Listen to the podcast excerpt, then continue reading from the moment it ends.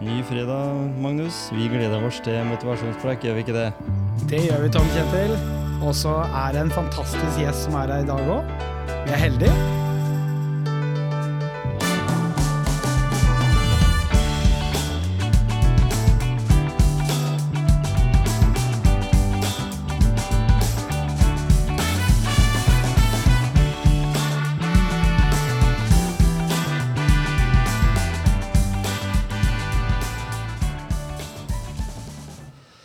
Ja, Magnus. Vi er nå tilbake i studio, vi, gitt, her på Myren.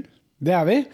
Nok Og- en uh, ny innspillingsdag. Ny innspilling, ny motivasjon. Yes. Og i dag så har vi fått en uh, det- Det kalles vel ikke 68, men han er født i 1968, da.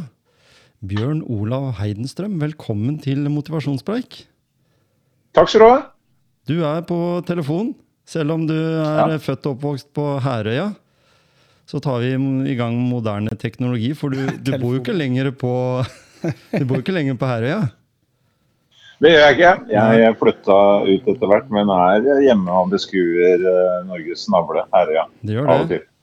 Så du, du har fått med deg det at de har brukt, brukt litt bypakkemidler til en ny gang- og sykkelsti der. Det er flott. Ja, jeg har vært og jogga litt på den. Ja, så bra. Oppvokst på Herøya.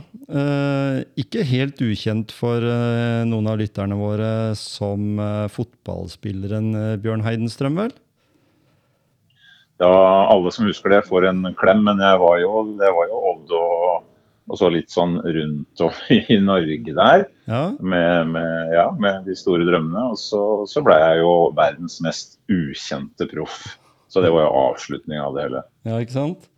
Men, men du har jo gjort noe i fotballen som ikke så veldig mange har gjort. du. Eh, vi, vi skal høre litt mer om hvordan det var å vokse opp eh, ute, eller på Herøya. Men du, du var faktisk Det er ikke bare småtteri det der. Når du spilte i Laton Orient i England, så var du faktisk på banen når Peter Shilton, som vi alle har fotballkort med, eh, spilte sin tusende kamp.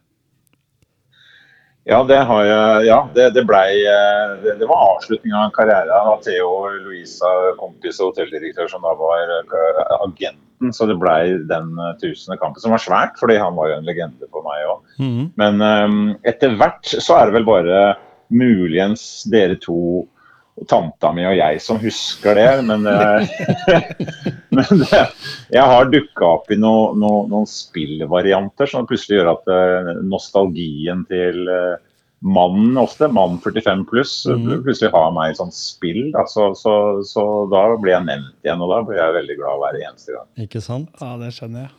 Men, men fortell litt da om åssen det, hva det har gjort med deg til den du er i dag, det å vokse opp på Herøya. For det var jo industrisamfunnet på rundt 68, 70 og utover, så, så vokste jo Herøya til det det blei etter hvert.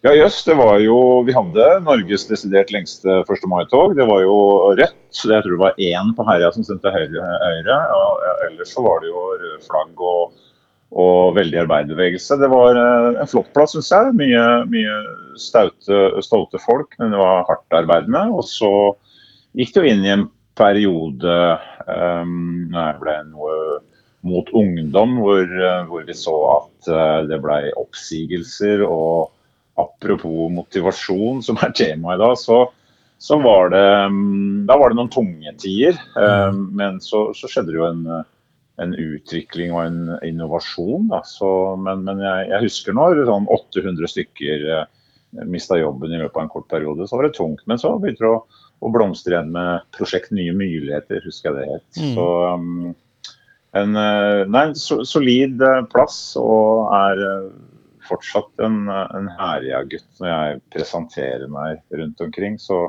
Mhm. litt stolt av det opphavet der. Og, og, og, og da var vel i områdene rundt Det var jo egen kino der, og så var det egen idrettshall, og så var det jo flere, opptil flere fotballbaner òg.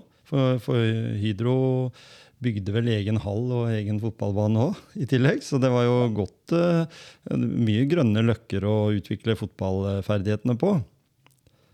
Ja, ja. Det var eh, alle de som var i en eller annen kantine der, de, de leste sporten først. eh, Og da var det jo da var det også vidt en god kamp mellom Porsche og, og Odd, så, så det var stadig sånn kniving på, på arbeidsplassen og hvem som heier på hvem. Og ja, det Ikke sant? et, fotball, en stor fotballinteresse. Ja, for det var en del fotballinteresserte skiensfolk også som jobba på Herøya. For jeg husker jo det at den eneste bussen som var full, det var leddbussen som gikk på Porsgrunn vest.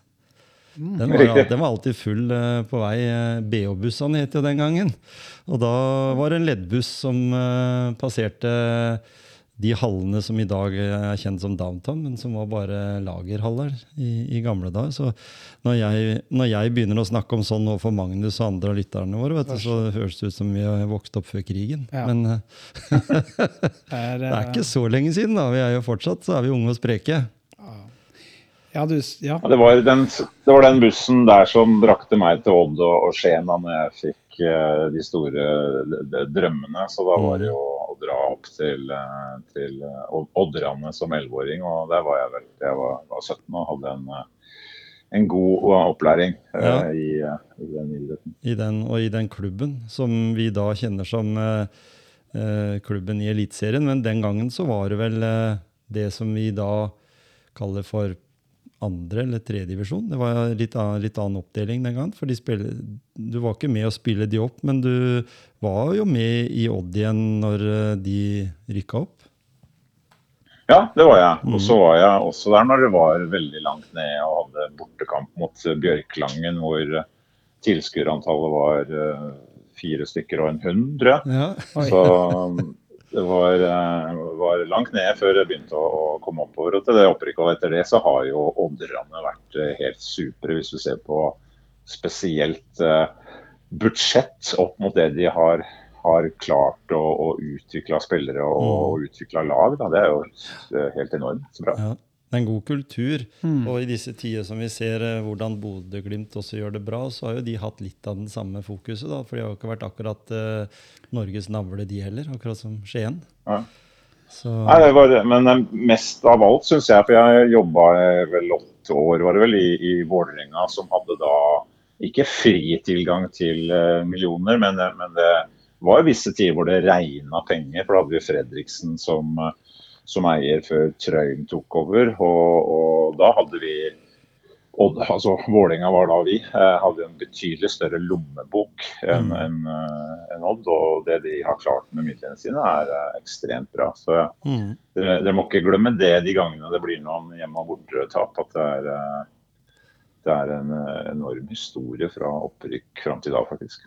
ja, for, for du, Bjørn, du hadde jo vel, så vidt jeg fått med meg, i hvert fall, så hadde jo du, når du spilte på Odd siste gangen, så hadde vel du en fulltidsjobb i tillegg, du?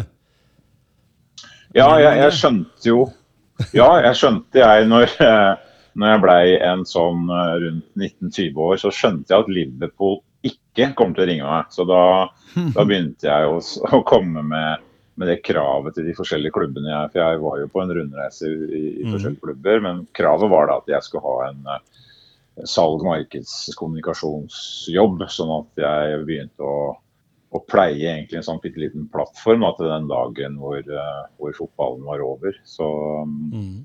så jeg var spillende markedssjef i Bærum sportsklubb, og så var jeg spillende kommunikasjonskonsulent i Sogndal osv. Så, videre, og så, videre. så jeg ja, kombinerte det der. Så du har jo spilt med Flo-gutta òg, du? Ja, ja, jeg tror det var fem flo jeg, på banen når jeg var i Sogndal. Oi, oi, oi. Ja. ja. Men, men vi er jo eh, motivasjonspreik. Og det du snakker om der nå, det må jo ha vært eh, veldig gjeldende i forhold til det når vi snakker om motivasjon. Det å, å skulle da jobbe, samtidig eh, trene, holde seg i form og hevde en plass på laget. Altså det, det er mange elementer som måtte gjøre at du på en måte hadde noe i deg da, som, som gjorde at du orka det. For det er jo litt sånn nå, er det ikke det? Du hadde liksom jo, familien hjemme, og du hadde fotball og du hadde jobb. liksom. Det, det blei lange dager. Ja, nå hadde jeg um, en interesse for uh, noen områder, så jeg begynte tidlig å dra på biblioteket, altså som guttunge. For da var jeg innom uh, Jeg kom jo på lands, altså guttelandslag, og da dro jeg innom og leste de første bøkene om motivasjon. Og, og um, lærte meg ting, hang opp ting. Begynte å tenke på hva er det som funker for meg, og hva er det som ikke funker for meg i det, i det temaet der. Så, så etter hvert når jeg når man blir eldre, så ser man jo det at oi, jeg må utvikle meg en jobb. Og så ser du at oi, her får jeg en, en relasjon. Altså blir en samboer.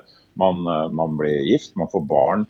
Man får gjeld. Altså, da, da ser man at det, det ordet og den energiformen motivasjon, den, den er jo til stede um, på alle de stedene hvor vi er. Mm. Fordi du får uh, motbør. Og så har du selvfølgelig oppganger hvor du, hvor du glemmer det, for ting går av seg sjøl. Men ofte nok så får vi jo en eller annen oppoverbakke eller slitasje eller mm. et eller annet vi må jobbe med. Så, så, for meg så har det, og er fortsatt en av de vel eh, viktigste temaene og fagområdene som jeg prøver å holde meg eh, oppdatert på og, og, og være for meg da være litt i front med i forhold til det jeg holder på med. Mm. Men hvis, hvis, eh, Bjørn møter motstand, da, hva er det hvordan løser du motstand?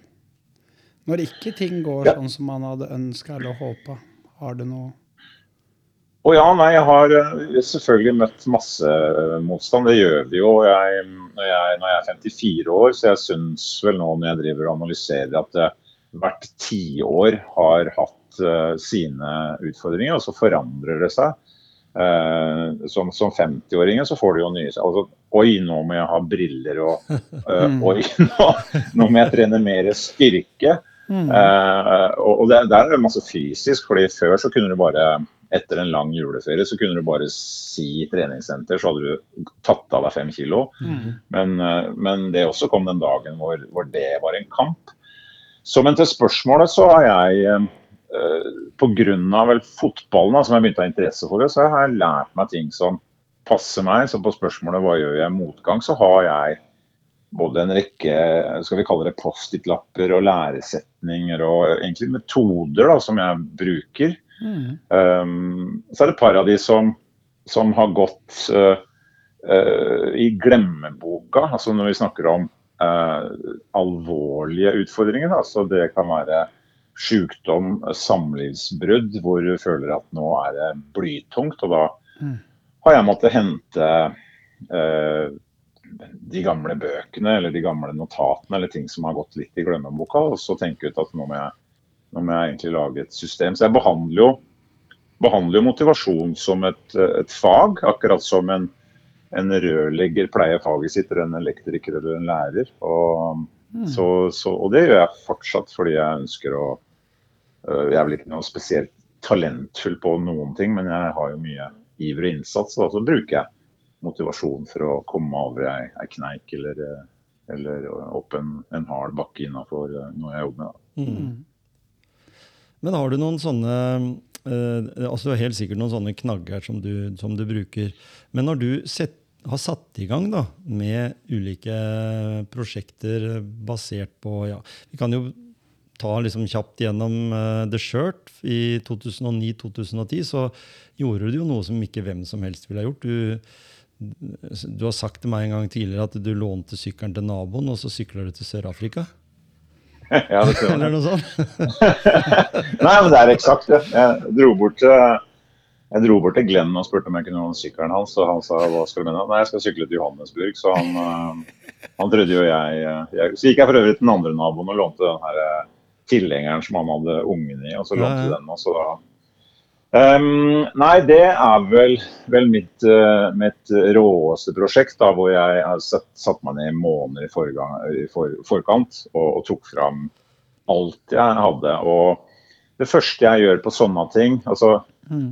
The Shirt, hvor jeg da skulle uh, For det første så skulle jeg samle inn uh, helt enormt mye drakter, for jeg, jeg mente jeg skulle kunne lage, lage verdens største menneske menneskelagde drakt bestående av 500 eh, eller 1000 drakter. Mm. og det andre er at jeg, jeg var jo ikke en syklist, jeg vel fortsatt ikke det, men jeg skulle jo sykle langt. Og da, da kunne jeg jo forberede meg. Man møter jo masse utfordringer i livet som plutselig står der. Så altså du har fått sparken, eller det er et brudd eller et eller annet. Men her kunne jeg planlegge. Så da er det første for meg når jeg skal legge en plan, det er å jobbe masse med visjonen og drømmen. Uh, og nå vet jeg at jeg blir en fagidiot og en sånn nerd, men jeg jobber jo mye og står på scenen og prater om motivasjon. og det er En av tingene jeg gjør da, er å bygge den, den drømmen som jeg tror jeg skal oppleve. da, Og, og mm. fargelegge den og sette den full av bilder og opplevelser og stemninger.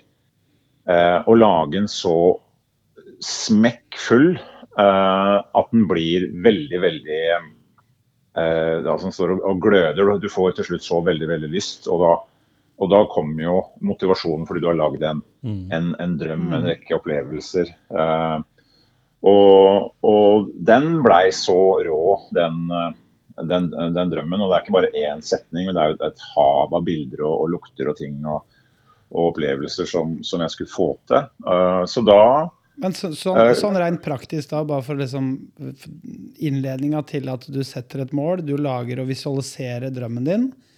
Ja. Men bruker du da Gjør du det i tankene dine, eller gjør du det fysisk? Med å henge opp bilder, Nei. eller Ja. Ja, nei, jeg gjør, gjør mye av det du sier. altså Jeg henter inn bilder og henter inspirasjon. Men jeg, jeg bruker en, et system etter en som heter Tony Busan, altså mindmapping. Høres litt flott ut, men det, det er egentlig å lage deg masse masse bobler med og Hva skal jeg oppleve på, på, på sykkelen? Jo, det jo, det er jo naturopplevelser, mat, mennesker. Eh, Jeg er interessert i fotografi, så så liksom, hva slags bilder kommer jeg til å ta? Hmm. Eh, Jeg er interessert i fotball, så hva slags fotballklubber, hva kommer til å skje der? I, i, så kommer jeg inn døra til Barcelona, eh, til Liverpool og Manchester United. Og så tenkte jeg ja, men det må du jo tro på, for da, da blir det jo en kulere visjon. Mhm. Så den Tony Busans mindmap blir jo til slutt da Foran meg da så hadde jeg en tre-fire A3-ark, det er ganske digre ark, med Og så til slutt så, så samler jeg det sammen i, i um, kanskje innenfor hvert område da, et femtitalls små setninger. Så det er jo systematisk på lik linje som jeg vet mange som skal lage en, eh, en eh, bedrift. Jeg vet at eh, både du, Magnus, og du, Tom Kjetil, er jo støtt og stadig tankene på bedriftsutvikling. Og da, da er jeg helt sikker på at dere også drømmer om hvordan det skal se ut når dere får det til. Eh, Så det var det jeg gjorde. Bare holdt på veldig, veldig lenge, altså ukevis med det. Og da husker jeg når jeg syklet, altså dag én, var jeg riktignok redd for om jeg skulle klare å sykle opp Ekebergbakken. Um, for da hadde jeg noen kamerafolk på slep, og så tenkte jeg For jeg, jeg var jo ikke noen syklist, så tenkte jeg klarer jeg det? Men um, jeg kom opp den første bakken, og da, da husker jeg tenkte at det var dritkort til Johannesburg. Um, og, og, og da skjønte jeg vel også at jeg hadde jobba fint med egentlig det der mentale bildet. da. Mm. Uh, så, og, og sånn var det Sånn var det hele turen. Og selvfølgelig så har, møtte jeg altså Jeg, jeg sykla et helt år og, og møtte jo utrolig mange eh, også dårlige opplevelser og motgang og sånn, men det ble takla bra bl.a. på det at eh, det var et sånn eh, helt, helt rått både håp og drøm og, mm. og, og pleia det ikke minst hver dag. da. Mm. Så, så, og jeg har sett på det, for jeg, det neste jeg gjorde var jo å padle til til Svartehavet fra Sveits. Det er 96 dager. og da, da hadde jeg ikke like sterk visjon, for jeg var litt, hadde begynt å bli litt eh, høy på meg sjøl og jobba. Og da husker jeg at jeg måtte stoppe opp etter noen uker for å jobbe med visjon og plan, for da, da lugga det litt. Så, så et langt svar på spørsmålet, men det er iallfall fase én for meg. da, å, å sette det bildet der. Mm. For jeg tenker det her er superviktig da, inn mot folk som ønsker å, å, å visualisere i forhold til det å realisere drømmene sine. da. Det er utrolig mange drømmer om det gjelder at de ønsker å gå en eh, lang tur, sånn som du har gjort, men eller det å starte med en bedrift. da. Mm. Så tenker jeg det her er jo utrolig bra eh, motivasjon og i forhold til det du har gjennomført, tross alt. Mm, fine elementer du bruker i foredraget ditt òg. Eh, for når du da bare liksom prater om at du har eh, altså padla stående padling fra Basel i Sveits og til Svartehavet, som bare var sånn ca. 4000 km eller noe sånt. Stående, bare stående. Ja. Så jeg, så Ja, var på ja. et Superrett. Så jeg, har- jeg har prøvd å padle på det Ja. også i bølger, og det er noe drit, altså. fy Hvis det er litt Du er veldig redd for bagasjen. Men da, da må den der, den der kjernemuskulaturen din må ha blitt helt sinnssyk, da. Mhm. Ja, Den gangen jeg kom fram til Svartehavet, så, så, så, så, så hadde jeg eh, da følte jeg at ting var i orden. Men det, det er rart med det at det er bare én sommer med grillmat og bayer, så begynner det. så ja. Det går fort den veien, dessverre. Det er litt uh, seigere den andre veien, ja. Men det, ble, det, ble, det, ble, det er verdensrekord fortsatt? Så vidt jeg har eh, Ja, jeg, jeg tror det. Jeg, ja da, jeg, jeg, har, jeg har, har googla det. Nå kan det hende at det er noen andre raringer som har, som har fadla lenger en annen plass. Men, eh, Det er ikke kommet men det var um. Mhm. Nei, så, så Men det, det en, Nå er det mange andre steg etter den visjoneringa, men det er det, det er det samme som jeg har gjort, og som jeg gjør hvis man plutselig er i, et, i en arbeidsfase som kan være litt uh, tråkig. Det er også også begynne å jobbe med de eh, elementene. Men som dere to vet, som har laga nå så inn i granskauen mye motivasjon, så er det jo veldig mange andre elementer også må, må Mm. følges på. Da. Men den første for meg er, er visjonen hvordan skal det se ut på reisa, hvordan skal det se ut der framme. Så man får veldig veldig lyst til å, til å, å, å hele tida legge på mer energi. Da. Mhm. Men så kommer du til to, på en måte, i, i forhold til det å kunne gjennomføre. Hva, hva, hva gjør du etterpå da, liksom, du Da går du inn i en bestemmelsesfase, eller at nå skal du realisere, eller hvordan gjør du det da?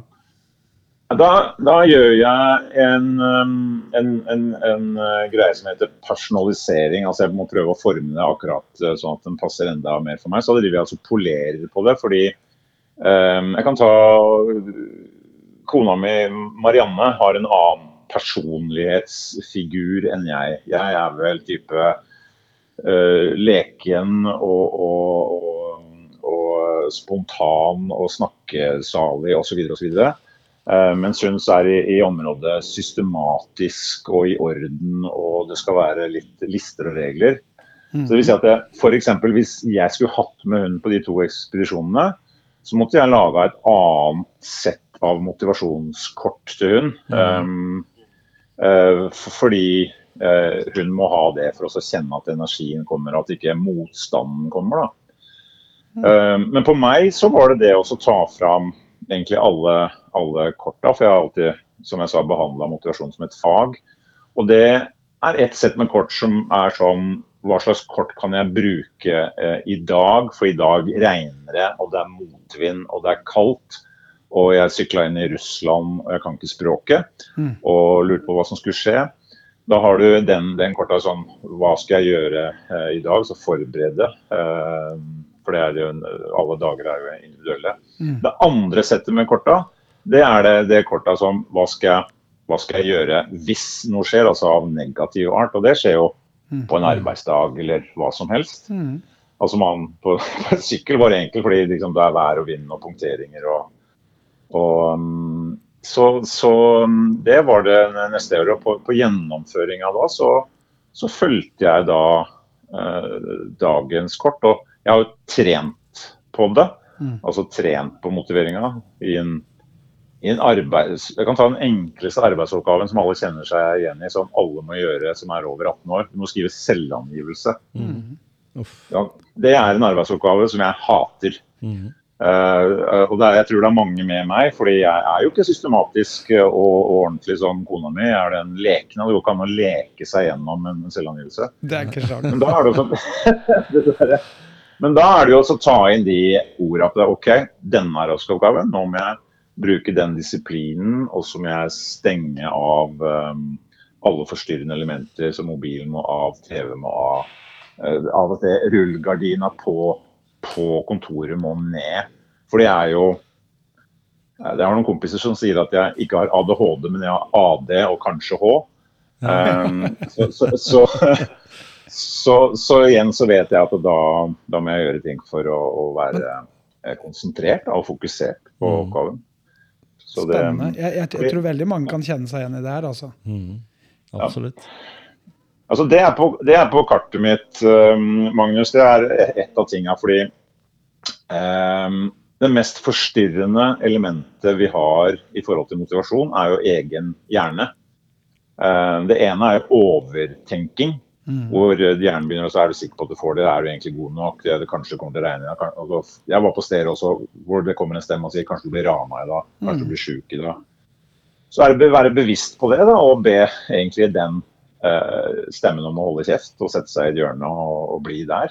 Mm. Og så begynne å styre tankene. da. Mm. Um, så, så det er jo veldig mange ting som angriper mm. motivasjonen. Mm. Og, og det ene er jo egne stemmer eh, og egne tanker. eh, eller andre mennesker som, som kommer og, og sant, Du er supermotivert, og så sier de eksempelvis da, hvorfor i all verden Bjørn holder du på med det der? Det der er jo idioti. Mm. Eller Da kommer det en annen ja, greie. Er ikke det Ja, da kommer farlig? tvil. Ja. Ja. Altså, vi har mange, hvis, vi- hvis, vi, hvis, hvis motivasjonen hadde vært en, et slags uh, menneske inni mennesket, da, så, så er, vil jeg si at den motivasjonen møter jo både angrep fra egne tanker, uh, fra andre mennesker, uh, fra ting du leser som gjør at du begynner å, begynner å tvile eller rokke ved det. Mm. Eller livshendelser. Eh, og, og et, et eksempel er jo Jeg tror statistikken er nå at 30% av oss mennesker i løpet av et liv 30 eller 33 får en psykisk lidelse i løpet av livet. Altså det er, da er du ikke bare deprimert, men det er en definert lidelse. Mm. Og så kan du ta andre 33% av de som ikke får det, men som i hvert fall er da eh, lengre perioder med, med det, er, det, er, det, er, mørkt, det er grått, vi er lei oss. Så det er en ting som selvfølgelig skyter og prøver å sable ned alt vi har av, Mm. av motivasjon denne uka. Så det er, mange fiender Mm. for denne motivasjonsbiten. Og det er jo hjernen vår som er sånn uh, urinstinktet, som vi kaller det. Altså sånn som hjernen alltid har vært fra den ble skapt, egentlig. Ja. Bare at vi omgjør det til dagens samfunn, så, så blir, det, blir det det der overlevelsesinstinktet, da. Men det er jo helt utrolig å tenke på den derre. Jeg husker forresten vi vi sendte noen drakter vi til den trøya som blei ble sydd.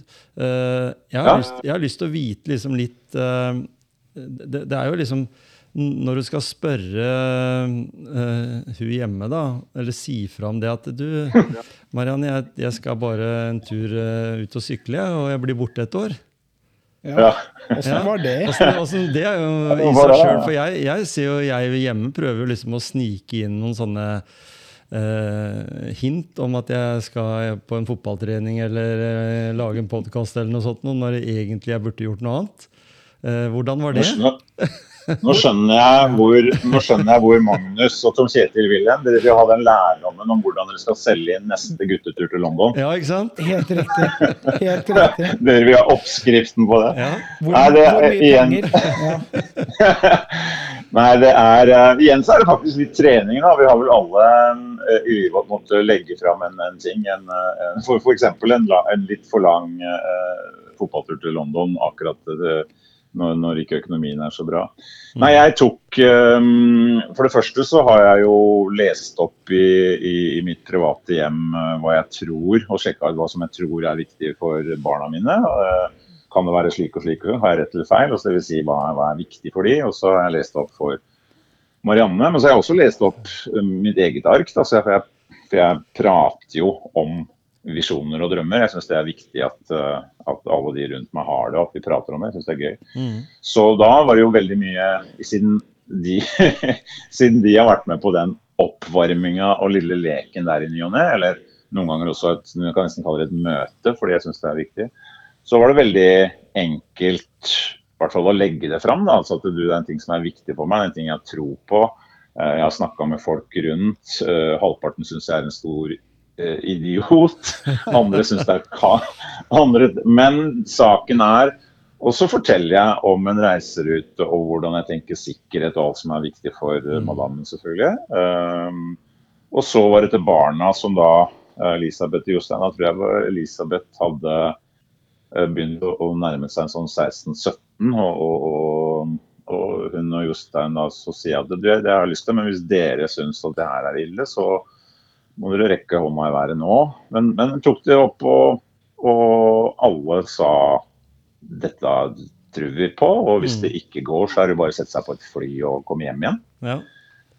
Um, men så ser jeg jo i etterkamp at det var ting hvor, hvor, eh, som, som vi ikke hadde tenkt ut helt. Altså det, jeg var, kom jo inn i noen soner i verden som var sånn på, på randen til, eh, til borgerkrig eller på randen til en eller annen katastrofe. Um, det skjedde jo noen steder i, i, Afrika. Allerede i Egypt så begynte det å boble i det som etter hvert vi kjenner som den arabiske våren. Ja. Så, så uh, det var noe som ikke var helt gjennomtenkt, men eh, det, det gikk jo. Så når det kom en sykkel og, og sånn sykkeltilhenger da, ned der fra Norge, så, så hjalp det ikke med norsk flagg, eller? Men du, du, Jo, det gjør det. Du, Du sykla fra det, men det å komme som, som nordmann, det, det er jo ikke det verste. Nei, det funker veldig bra, faktisk. Ja. Eh, veldig bra. Så jeg var um, og, og, så, så hvis vi sier at uh, motivasjon er et, et, et tema og et fag, og at relasjon er et annet enn, så kledde jeg meg veldig ned. Jeg var jo en uh, skitten, litt uh, fattig kar. s- fordi jeg var i noen fattige strøk uh, av og til. Og, og så var det selvfølgelig ikke noen gylne klokker og sånn. Og så var det andre det å bruke det norske flagget var, var framme. For jeg hadde lært underveis at eh, sant, Norge er fredselskende. Vi har Nobels uh, instituttet. eh, vi, vi har gjort mye for flyktningene. Um, så, så det var det. Og så brukte jeg faktisk uh, veldig mye av det. Jeg var ikke bevisst i starten, men jeg så det funka. Det er rett og slett fotballting. Mm. Fordi samme hvor jeg var hen, så hadde de et forhold til et eller annet lag. Og da, um, da gjorde det at det ble en relasjonsbygger. Og den, den tredje og siste, det var rett og slett UNHCR. Det er logoen til FN uh, når det gjelder flyktningarbeid. Så når jeg var i, i noen, eh, noen strøk i Afrika uh, inn mot Somalia og sånn, så, så var det et, en cap på et merke da, som jeg fikk nikk på tommelen i været på. Fordi det er de som, eh, som hjelper mennesker på flukt. Og det var det, Mhm. det, var det den eh, ekspedisjonen handla om òg. Det var å, å få oppmerksomhet rundt det. Så det, det også funka som et eh, en emblem og en slags kommunikasjon. Men du, når, når du var der og du sykla, var det noen dager du tenkte nei, nå tar jeg fly tilbake, det er ikke noe å tape det, nå er det ikke noe problem. Hvordan eh, mm, jeg, vil, jeg vil tro at noen ganger du tenkte litt eh, rundt de temaene, skal jeg fortsette, eller var det aldri tema? Jeg tenker på hvis folk også starter en bedrift, så vil man jo møte motstand. Det er det jo ingen tvil om. Hvordan jobba Ja. du med deg sjøl da på de tyngste dagene? Nei, da hadde jeg mm, alle disse mm, lappene og alle disse boblene og alt jeg hadde trent på, og, og alle huskereglene, alle egentlig lekene og metodene. Så, så på den turen så, så lugga det ikke ned engang. Men jeg kan fortelle om veldig mange andre turer og prosjekter hvor jeg helt klart har måttet sette meg ned. Og jeg har selvfølgelig også hatt prosjekter hvor jeg har, har stoppa. Um, så på hvis vi tar det, en sånn fysisk ting som en, og en mental ting som en ekspedisjon her, så var den turen til, til Svartehavet. Da var det på nippet et par steder. Da var det å sette seg ned og heller ta en hviledag og, og tenke gjennom. Men uh, når vi snakker om eh, Jeg har vært gründer en rekke ganger. eh, så, så der har det vært sted hvor det til slutt er så mørkt, hvor jeg da har gått til, til, eh, til styret og sagt at nå, nå har jeg lyst til å, å selge meg ut. og og se ikke at jeg har mer energi, for det, jeg har mista tro. Mm. Så um, vi kommer vel eh, all- all- Alle som er rundt meg, i hvert fall, har jo vært i prosjekter hvor det at det blir en stagnasjon. Ehm, Men Det er selvfølgelig viktig å ikke gi seg første, andre og tredje gang, men når du er på sånn, sånn etter, etter to år i motbakke, så, så er det vel sånn at de fleste gir seg etter hvert. Ja, ikke sant? Det er mye tålmodighet. Men du, du har jo mange års erfaring innen jobb, eh, som du sier. Gjennom eh, hotellbransjen har du vært. Du har jo vært med å, å, å bygge hotell, eller i hvert fall være en del av det. Som du nevnte jo Theo her i stad, som vi kjenner her lokalt som en hotellgründer, hvis en kan kalle det det. Han har vært i hvert fall med å bygge opp mye av det som en annen viss porsgrunnskar har eh, sådd, eller holdt si, tjent godt på i dag. Ja, nei, men jeg har øhm, vært i uh, Første lærdommene var rundt Theo og Petter Stordalen, og jeg var en bitte liten uh, korporal, og de var generaler og majorer. Mm. Men det var det første gang jeg, jeg så noen som jobba systematisk med motivasjon og inspirasjon for, for den drømmen og visjonen de hadde, og som blei vår drøm og, og visjon. Og derfor så blei vi motiverte. Så det var jo en sånn rekkefølge der. Så, så da ble det notert uh, mye. Og så var jeg inne i en sånn gründerperiode. Uh, og til, til spørsmålet når gir du deg, så, så grunna jeg et selskap i Toronto, Canada. Det første SMS-selskapet. Men der ga jeg opp etter er det hva for? Seks, altså jeg eide 50% i starten. Ga opp etter seks år. Og på det sjuende året så ble det solgt for 250 millioner. eller noe sånt. Mm. Så der var, det, der, var det, der var, det, ikke noe håp. Men han som jeg gründer sammen med, Michael, han, han, hang i det. Han, og han, han casha altså 53 millioner. Så det er vel historien om at det, hei, det kan lønne seg å, å ikke gi seg. Ja, ikke sant? Um, så, men ellers så har jeg Jeg har passa på veldig så godt jeg kan å prøve å finne jobber som for det første passer til meg og det jeg tror jeg kan. Mm. Um, og, og, som har en form som gjør at jeg Jeg har ofte gått på jobber som det ikke er vanvittig mye penger i. altså Lønnen har ikke vært stor, men jeg, jeg ser at det har passa meg. da. Så Et mm. eksempel er jo, er jo fotballen. så jeg var jo det er vel rekorden min, var åtte år i, i Vålerenga som markedssjef og mediesjef, som, uh, som, ga meg mye. Så det å finne de rette tinga er også et lite knep, tror jeg. Mm. Men hva, hva, gjør Bjørn i dag da, for å betale regningene? Nei, han, han, har jo han fikk, Var det ikke 53 millioner ja, du fikk av? Nei. da.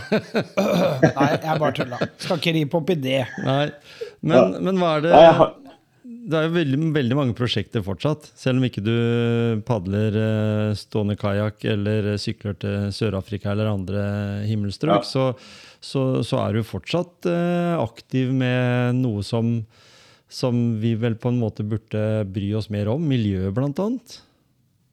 Ja da. Eh, for det første så lærte jeg noe av det. altså Når du har det for gøy, for spennende og alt. Det, altså det, det å drive med de forskjellige ekspedisjonene var fint. men jeg når jeg kom hjem til første uh, ekspedisjonen, så var jeg per definisjon konkurs.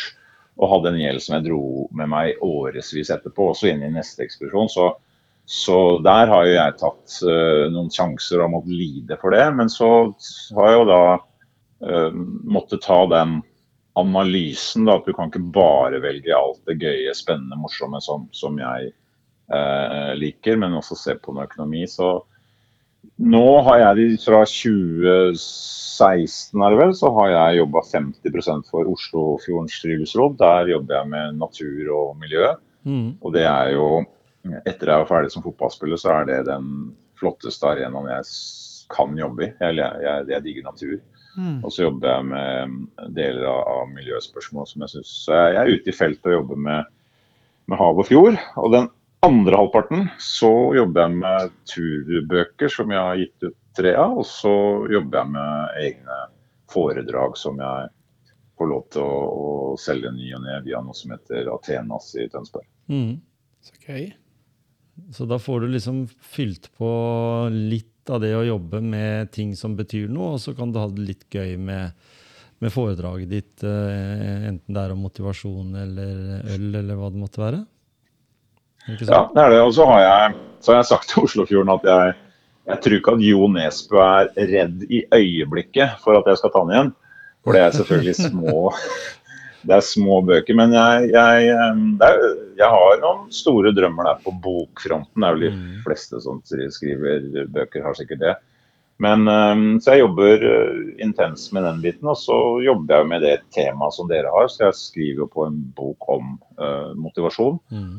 Og så får vi se om det er to stykker eller forhåpentligvis flere.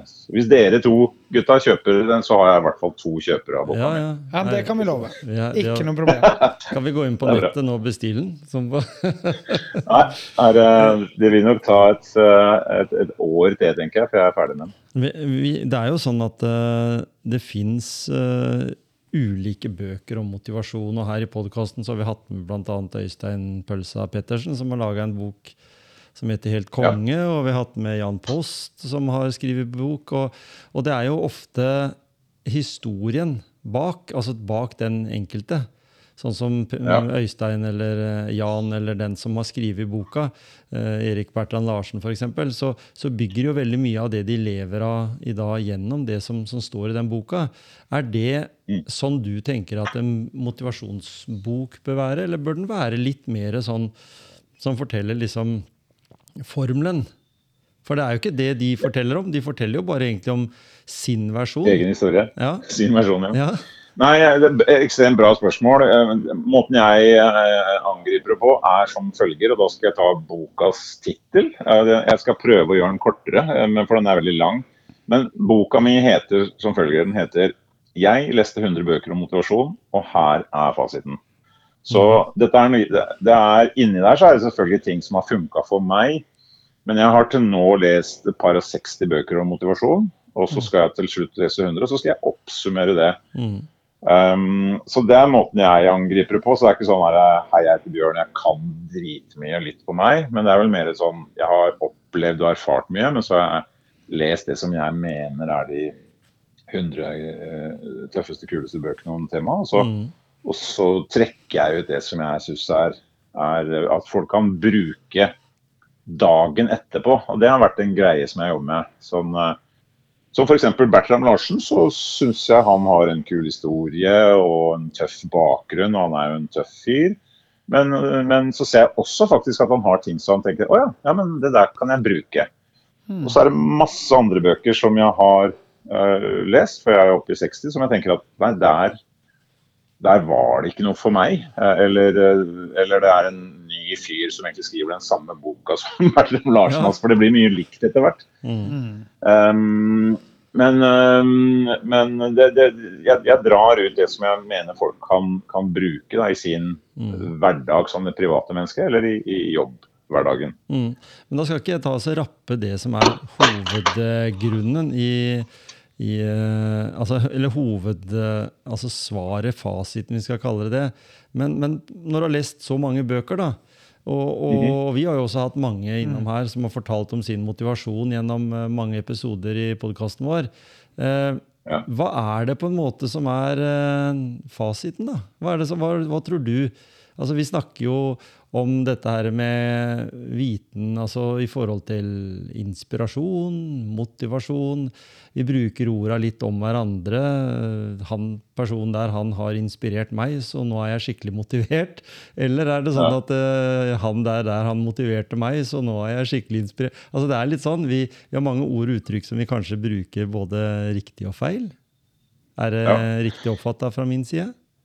Ja, ja jeg, jeg syns det. Nå, nå er vel vi tre karer som er veldig interessert i, i temaet, så jeg tror det, kanskje vi hadde skrevet tre forskjellige bøker, og så hadde eh, de sikkert blitt eh, like fine alle sammen. Um, jeg, har, eh, jeg har gjort en greie som eh, Og jeg er veldig spent på om det om markedet vil ha det eller ikke. Men jeg behandler det eh, som, som et fag. så vil Si at det kommer noen kjedelige ting i starten. Den kjedelige tingen er at du må rett og slett analysere det. Det er, det er ti ting du må vite. Mm. Det er ti ting du må gjøre. Um, fordi det første jeg ser på, på ganske mange, er at de tror motivasjon, motivasjon er noe som kommer fra andre. Og det er jo ordet som du sier, inspirasjon. Det er noe som kommer fra andre. Mm. Um, du må eie det sjøl. du må behandle det sjøl. Og så må du rett og slett bruke tid på det. Mm. Så um, uh, jeg ser det på den, den minste, enkleste ting. uh, Det er f.eks. etter jul. Så er det noen hundre tusen nordmenn som sier nå skal jeg komme i bedre form, og så skal jeg slanke meg litt. Og ut fra det så har du etter hvert et frafall som er helt opp til 60 Mm. Og det er jo ikke fordi treningsskoa eller skia eller treningsstudio er dårlige, men det er jo fordi motivasjonen svinner bort Mm. rett etter nyttårsaften. Mhm. Og det er der jeg hevder at eh, ok, da må vi 100 000 sette oss ned, fordi vi må jobbe med det. Du må finne noe som passer deg. Mm. Eh, Du må, du må finne en metode, du må finne noen lister. Du må, finne, altså, du må helt klart knas da, på Helt på lik linje som det, det er en grunn til at en bedrift har en regnskapssjef. Han har sikkert gått på BI og kan veldig mye om den systematikken. Mhm. Um, men så er det ingen bedrifter som har en motivasjonssjef. Og det syns jeg er litt rart, for eksempel, da. Mm. Helt enig. Fordi ja, alle bedrifter skulle hatt en som uh, det vil si at da, skulle, da, skal han inspirere, men han også skal gi de, de knep og sørge for at, uh, at du bruker de rette elementene. Fordi um, igjen tilbake til enkel statistikk. Vi er oppe i en sånn nesten 50% som vurderer å bytte jobb uh, i løpet av et år. Mm. Um, og igjen, som jeg snakka i stad om at motivasjon blir uh, beskutt og prøvd å bekjempe. Så det er, en, det er en fjerdedel av befolkninga som rammes av en angstlidelse i løpet av livet. Og så også 15% i løpet av et år. Mm.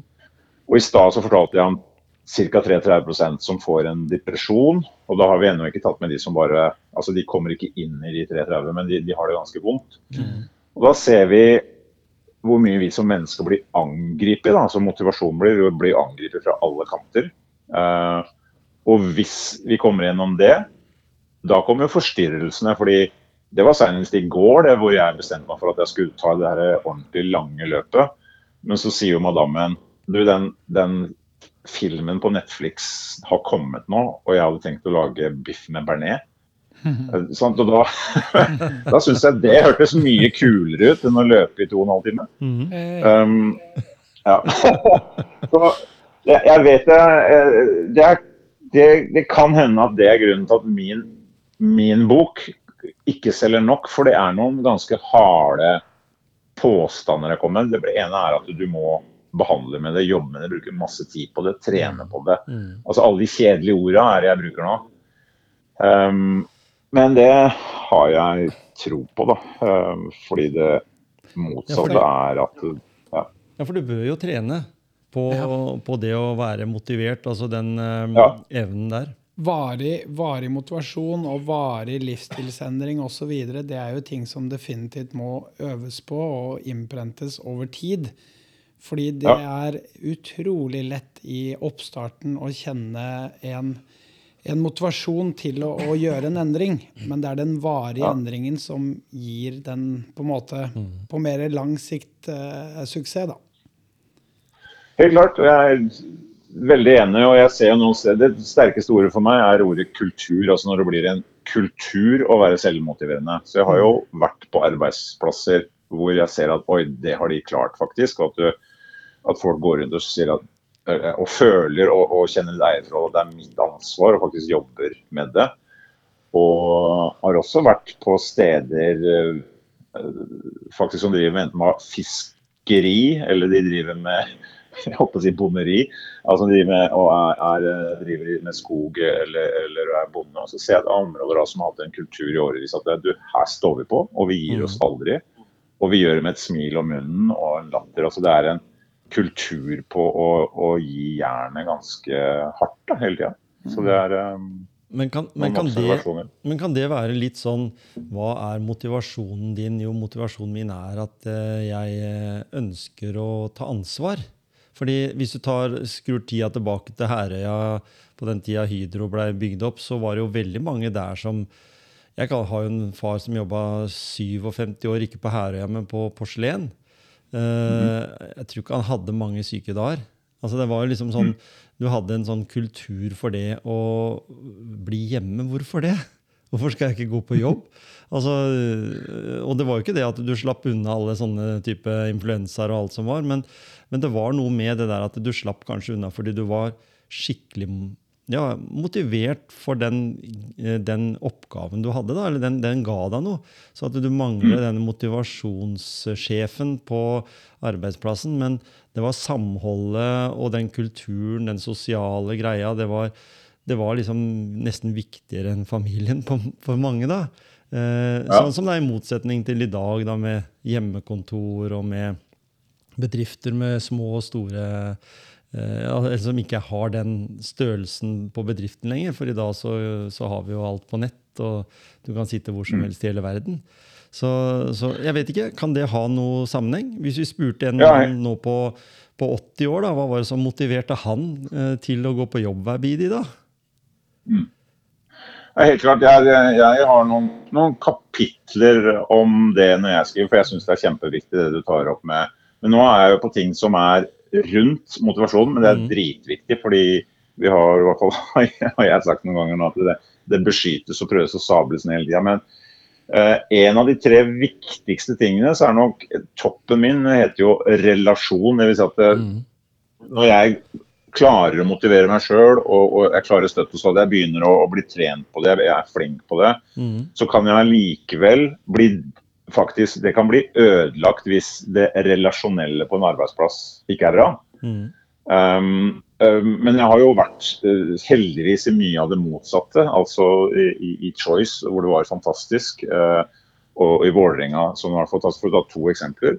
Mm. Og da husker jeg, uh, etter sju år i, i, i Vålerenga, så kom det en sånn bedriftskonsulent og, og, og, stilte masse spørsmål for å finne ut om vi hadde det bra eller ikke. Da sa jeg at jeg trenger ikke å gå opp i lønn, fordi jeg har det så bra relasjonelt der. Altså det, var, det var en trivelig, gøyal, spennende arbeidsplass fortsatt mm. etter sju år. Mm.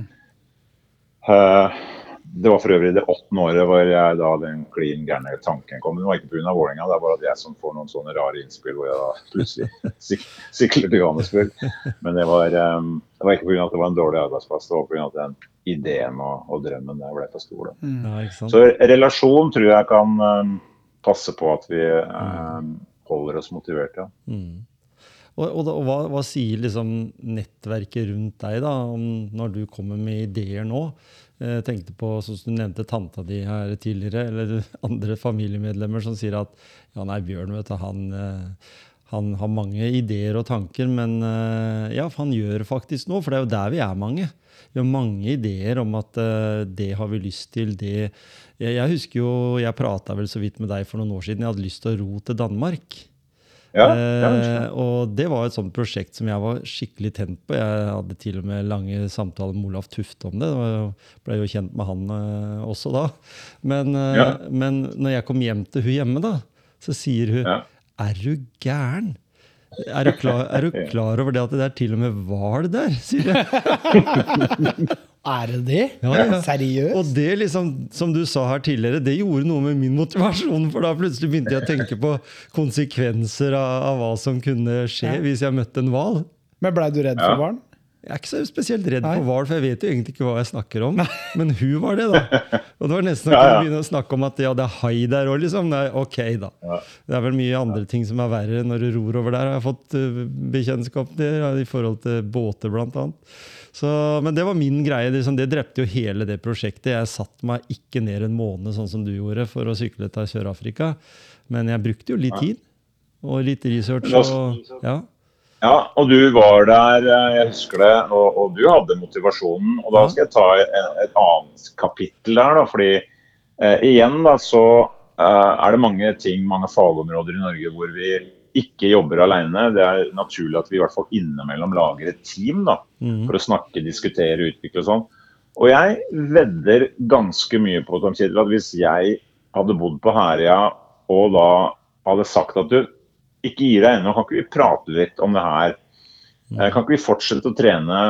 Og så kan vi gjøre det til neste sommer, for da bruker vi hele vinteren på trening. og så hvis du eller madammen din er bekymra, da, da, kan jo jeg snakke med redningstjenesten, sånn at vi har en mm. GPS-sender, sånn at vi får et helikopter i løpet av et kvarter osv. osv. Da hadde vi kanskje jobba oss gjennom de hindringene som gjør at det, at det hadde, hadde, skjedd. Eh, men du var jo aleine med ja, eh, visjonen ja. og, og, motivasjonen. Og da hadde det plutselig blitt et team rundt det. Ja. Så, så, det er mange måter å, å behandle det på. Kanskje du skal dra den fram igjen? Kanskje det. Aldri for seint. Jeg er bedre til å ro nå enn jeg var da. kanskje hvalen er, er borte. Ja, ja, ja, kanskje det er helt andre forutsetninger. Og jeg husker du sa så tydelig, for jeg hadde jo veldig lyst til å padle fra Skien og så hele veien. Mm. Husker du sa ja. Finn den korteste veien for det som betyr noe. Det er at du har rodd til Danmark, ikke hvor langt du har rodd husker jeg. Ja, det, det, det, motiverte meg altså den gangen til å tenke kortere distanser. Og nei, jeg var så Jeg var kommet ganske langt, skjønner du. Så en, du... en, en som, sa det, som sa det at nei, har du tenkt å ro til Danmark? Er du gæren? Det var jo Olaf Tufte. Så. Han sa det? Det, det du kan være det du, det du, Tom Kjetil, det du kan være veldig veldig stolt av, det er at du da inspirerte andre. Så en ja. ting som jeg har dratt fram, Fordi jeg har fått lov nå til å tenke på neste ekspedisjon. Mm. Og det er faktisk eh, å bruke roing, da. Og det er fordi det, du var den første som satte meg på det sporet, og så begynte jeg å lese.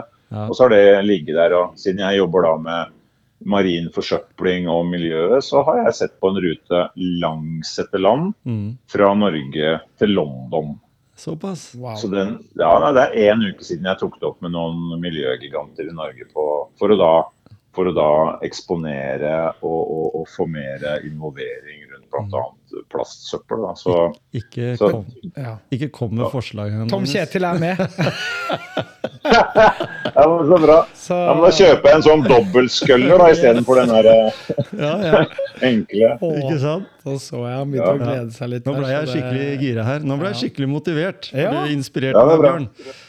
Ja, det er bra. Kjem, vi kunne prata sammen i eh, timevis Timevis. om dette her. Eh, og da, nå er vi liksom nærma oss timen, og vi har brukt litt av din tid også, men det har vært kjempehyggelig. Takk Veldig måte. veldig ålreit at du ville være med på motivasjonspreik. Og håper at vi kan eh, ta opp tråden seinere når du har eh, rodd til London. Jeg, ser, jeg visualiserer nå at Bjørn kommer inn i, eh, med båt inn på Themsen eh, og, og legger til ved den, den brua som de påsto at eh, Harald Hårfagre Eller nei, ikke med Olav den hellige. Ja, var med og sprengte ja. i sin tid. Uh, Den er 'Tover Bridge is falling down. Ja, nei, men vi kan Ja. ehm, vi får, eh, De har sikkert noe kald drikke der, så Ja, vi, vi fortsatt, så. Vi kan jo være med i velkomstkomiteen, ja, ikke sant? Ja. Vi kan stå på brygga og ta deg imot. Men tusen takk, Bjørn. Veldig hyggelig å ha en Herøya-kar på podkast. Vi, eh, vi håper at eh, du får mange fine stunder nå utover sommeren og sånt, langs kysten i Oslofjorden. Mm. Takk for takk skal du ha.